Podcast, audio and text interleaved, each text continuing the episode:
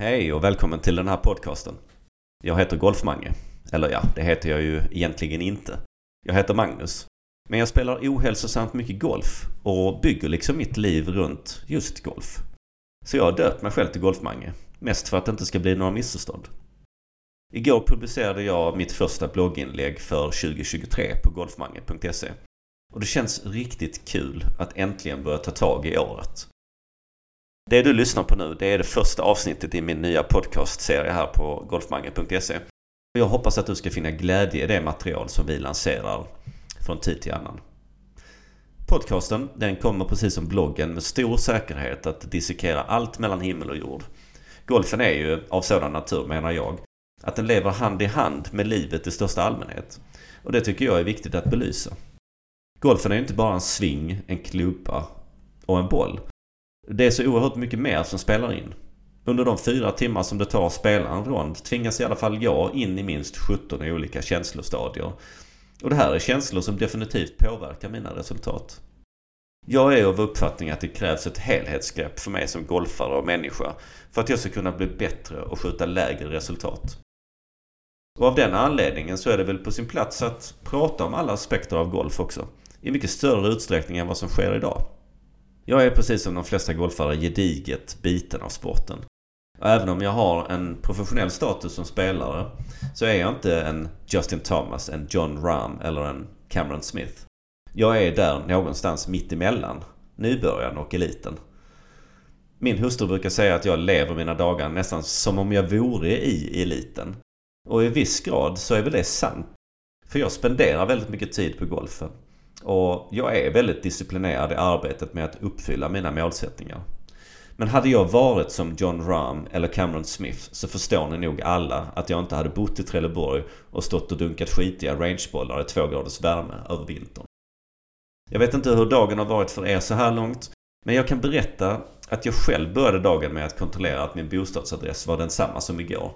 Det har nämligen blåst fullskalig orkan hela natten här nere i Trelleborg. Och just när det är så så är kanske inte golf det första man tänker på så här års. Men det är i min eh, mening nu dags att på allvar börja fokusera på golfåret 2023. Vi har ingen tid att spilla. Vi vill ju komma förberedda till starten. Så med detta sagt tänkte jag kasta mig rakt in i världsgolfen. Alltså den som sänds på TV. Och som du kan kika på om du har antingen via Play eller Discovery Plus. Det här är en perfekt möjlighet för dig att hitta inspiration inför säsongen. För inom de närmsta veckorna så radas det upp intressanta tävlingar på de stora tourerna. Och det är väl klart att både du och jag ska följa dem och låta oss motiveras. Jag tänkte att vi dock skulle börja med en återblick på de två tävlingar som hittills har spelats i år på PGA-touren. Sedan flyger vi rakt in i det initiala tävlingsprogrammet för PGA-touren för DP World Tour, Live Golf, damernas LPGA Tour och Ladies European Tour. Så häng med! Hawaii! Ni vet den där lilla ön mitt ute i Stilla havet. Den som inte ligger nära någonting överhuvudtaget. På den ön har det spelats golf och två stycken tävlingar redan i år. Den första tävlingen, Century Tournament of Champions, den spelades på Plantation Course som är en av banorna inne på Kapalua Resort. Det är en ganska lång men också bred bana som mäter drygt 6950 meter. Vilket gör den till ungefär lika lång som Barsebäck från Svartid. Century Tournament of Champions det är PGA-tourens sätt, menar jag, att belöna de spelare som har haft ett framgångsrikt föregående år. Det är enbart de som har vunnit på touren eller slutat bland de topp 30 på FedEx Cup som blir inbjudna att slåss om eh, en pris pott på 15 miljoner amerikanska dollar. Och i år så var det bara 39 spelare som dök upp. Den som drog det längsta strået den här gången, det var John Rahm, vår spanske vän. Som med en ordentlig spurt, 63 slag, eller minus 10, på sista varvet tog sig förbi Colin Morikawa. Som i sin tur hade något av ett grandiost sammanbrott menar jag under det sista varvet och faktiskt tappade en ledning med sju slag gentemot Rahm. Så Ram vann med två slag före Morikawa och ytterligare två slag före de båda uppstickarna Tom Hoagie och Max Homa. Som med säkerhet också inkasserade en ganska fet prischeck. I den andra tävlingen i år på PGA Tour så spelades den på en bana som är Plantation Course raka motsats. Det är en förhållandevis kort bana, den är 6500 meter lång, odiskutabelt platt till terrängen, men lite knixig och trång. Det finns trädkorridorer, ungefär som på Bosjö kloster eller Bandama nere på Gran Canaria om ni har varit där och spelat den. Out of bounds, ja den kommer in i spel lite här, lite där. Inte min favoritbana att titta på kanske. Men utan tvivel en formidabel upplevelse för tourproffsen. Jag menar, vem säger nej till Hawaii mitt i vintern? Vinnande ur striden på Wiley Country Club och Sony Open gick ingen mindre än Siwoo Kim, sydkoreanen, som med detta tog sin fjärde titel på PGA-touren. Han gjorde två birdies på de sista två hålen och med det så knep han titeln ett slag före Hayden Buckley. Buckley hade förvisso en 3,5 meters putt för birdie på sista hålet. Men den smet vänster. Och tur var väl det för Siwoo Kim. För han har ju ett förskräckligt facit i särspel. Han har nämligen hamnat i särspel tre gånger på touren förut och misslyckats varje gång. Bland annat i ett särspel med fem andra 2021 på Windham Championship. Ett av de mest brutala särspel jag sett tror jag. Och i den vevan så var sex spelare inblandade. Bland annat Adam Scott, Kevin Na, Kevin Kistner. Det var väldigt svårt att eh, sitta där, till och med i soffan och bara försöka hålla koll på vem som slog vad. Vem som låg var, vems tur det var och allt sånt. Men den gången så tog Kevin Kistner hem bucklan. Så kudos till Sibu Kim alltså. Som hade två starka ronder över helgen. Bägge landade på 64 slag. Han brukar vara ganska het i början av året. För två år sedan så vann han nämligen nästa veckas event, The American Express, på PGA West i La Quinta. Och han gjorde det för, före Patrick Kentley. Personligen tror jag att det här är banor som passar honom. De är ju lite kortare och lite knixigare. Vad ligger då i pipelinen? Ja, nu när Hawaii är ett minne blott för PGA-touren, åtminstone för det här året, så styr färden till Kalifornien. För det som i folkmun kallas för West Coast Swing. Det ska spelas fem tävlingar i västra USA. Och redan på torsdag kan du som hänger dig till Discovery Plus cirkulera på sportsektionen där och knappa in dig för en titt på The American Express som spelas på PGA West i La Quinta. PGA West, ja det är en kär anhalt för min del. Jag var där med min bror för lite drygt fem år sedan och blev helt förälskad. Klubben, eller jag vet inte riktigt vad man ska kalla den för. För det är liksom ett konsortium av något slag med upp till sex banor inom samma område. Den ligger i alla fall på en plats som garanterar goda förutsättningar stora delar av året.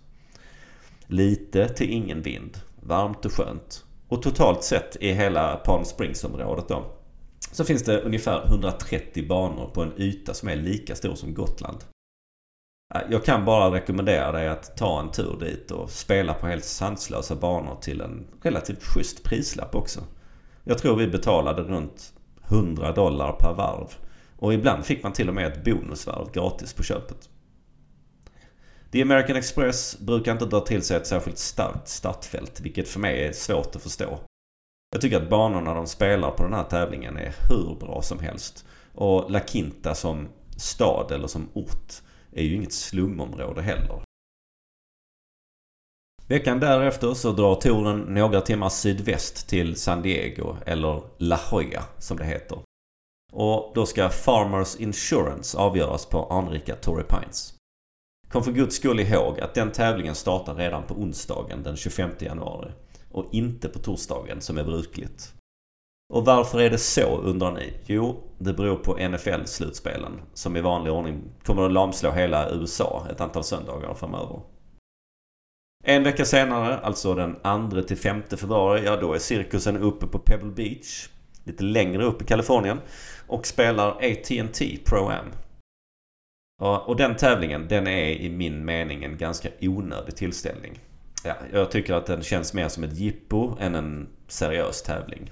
Men snegla en stund på den tävlingen. Du kommer garanterat att få se en hel del kändisar som, som inte är golfare. Bill Murray till exempel. Han eh, kan ju mycket väl dyka upp med sina hängslebyxor och färgade handskar. Eh, bara en sån sak. Om inte annat så är ju vyerna från Monterey Bay Peninsula och Carmel Beach till exempel helt bedårande. Jag var här en gång med min hustru och när jag satt på Carmel Beach och såg delfinerna guppa i vattnet och sådär så kände jag instinktivt för att bara stanna kvar där i all evighet. Veckan efter Pebble Beach, ja då är det dags för ett så kallat Elevated Event ute i öknen. Och det innebär att i stort sett alla världens bästa spelare, förutom de då som spelar på Live Golf, att de kommer vara på plats och kämpa om andelar i den 20 miljoner dollar stora portmonnän. Waste Management Phoenix Open står på agendan och banan som det ska spelas på den heter TPC Scottsdale. Ni känner säkert till den här banan. Det brukar vara en sju helvetes massa människor på plats. De flesta är där för att dricka öl, det ska jag uppriktigt säga. Eh, och de tycker jättemycket om att behandla golfarna som om de vore fotbollsspelare eller liknande de ser framför sig. Det sextonde hålet är väldigt känt. Det brukar ofta refereras till som the loudest hole in golf. Det är ett par tre-hål, inte särskilt långt. Som liksom ramats in fullt och helt med, med läktare. Förra året blev det nästan kaos här. Då höll både Harry Hicks och Joel Damon på att slita av sig tröjorna uppe på green. Vilket möttes av jubel och inslängda ölglas och plastflaskor. Ingen vacker syn om du frågar mig men det är väl ändå lite rätt åt PGA-touren som ju annars är ganska seg och torr i sin karaktär. The West Coast Swing avslutas sedan med ett besök på Riviera Country Club som ju är en anrik institution. Den ligger i eh, LA. Och även det här då är ett eh, elevated event. Med badkar fulla av dollars till de som klarar katten. Personligen tycker jag att Riviera är kanske den bästa banan på touren. Om man bortser från majorbanorna. Den är ett test för alla de främsta samtidigt som den är vacker och estetiskt tilltalande. Det finns en hel del hål som gärna dröjer sig kvar på näthinnan. Och sen drar PGA-touren vidare till Florida. Men det får vi nog prata om en annan gång för nu ska vi också hinna med att nämna de andra tourerna. Tror det eller ej, men Henrik Stenson ska göra comeback på DP World Tour den här veckan. Och på torsdag kan ni ta er in på Viaplay och se honom pegga upp i Rolex Series Event som spelas på Jazz Links i Abu Dhabi. Försvarande mästaren där är Thomas Peters, den långe belgaren. Och sen veckan därpå, då stannar ju i stort sett hela startfältet från Abu Dhabi kvar nere i Mellanöstern. För då ska S-Link Dubai Desert Classic spelas på Emirates Golf Club i Dubai. Och den banan den har jag varit och synat i egen person. En väldigt trevlig anläggning och eh, väldigt spännande golfhål. Alltid kul att titta på. På TV i alla fall. Det brukar vara ett uppskattat event för många av de europeiska och sydafrikanska elitspelarna. Framförallt. Och Viktor Hovland han försvarar titeln där i år. Och sen kommer vi då till Live Golf, denna uppseendeväckande och otyglade bastard i golffamiljen. Vi har inte hört så mycket ifrån Greg Norman och hans entourage under vintern. Men jag har lyckats, lyckats googla mig till att åtminstone 7 av 14 events har bekräftats så här långt. Det kommer att bli en mix av olika banor. De kommer att börja i Mayacoba i Mexiko i slutet av februari. För att dra sig vidare till Tucson mitten på mars. Och sen är det två events på helt andra orter. En i Adelaide i den 21 till 23 april, alltså Adelaide i Australien. Och veckan därpå så spelar de i Singapore den 28 till 30 april. I mitten på maj så är de tillbaka i USA och då är det Tulsa, Oklahoma. Och sen i slutet av juni så tar de plats på Valderrama i Spanien. Bara en månad senare så är de på Greenbrier. Men vi ska inte glömma att det alltså kommer att klämmas in ytterligare sju event här. Förmodligen ligger väl några av dem här till hösten också. Det brukar ju vara så att man spelar i Florida på sluttampen där. Mycket mer än så vet vi inte i dagsläget när det gäller Live Golf. Men det skulle förvåna mig om det inte blir någon ny upprivande story inom kort. Till exempel någon högt aktad spelare som ansluter eller så. Vi får väl se. Greg Norman brukar inte vilja göra en slät figur av vare sig själv eller något annat han tar i. Och damerna då?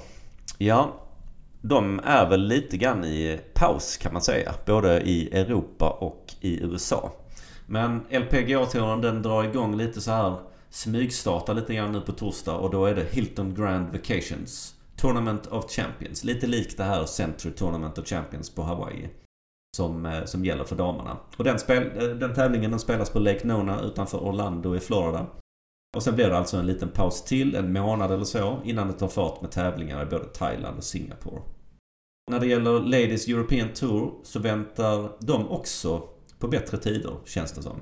Det kommer inte vara något spel där förrän i början på februari och då är det en visit till Kenya först och en annan till Marocko. Något att fundera ett slag över här känner jag. Jag tittade lite grann på vilka prispotter de har. Båda de här tävlingarna, både den i Kenya och den i Marocko, har då eh, prispengar som ligger strax under en halv miljon euro.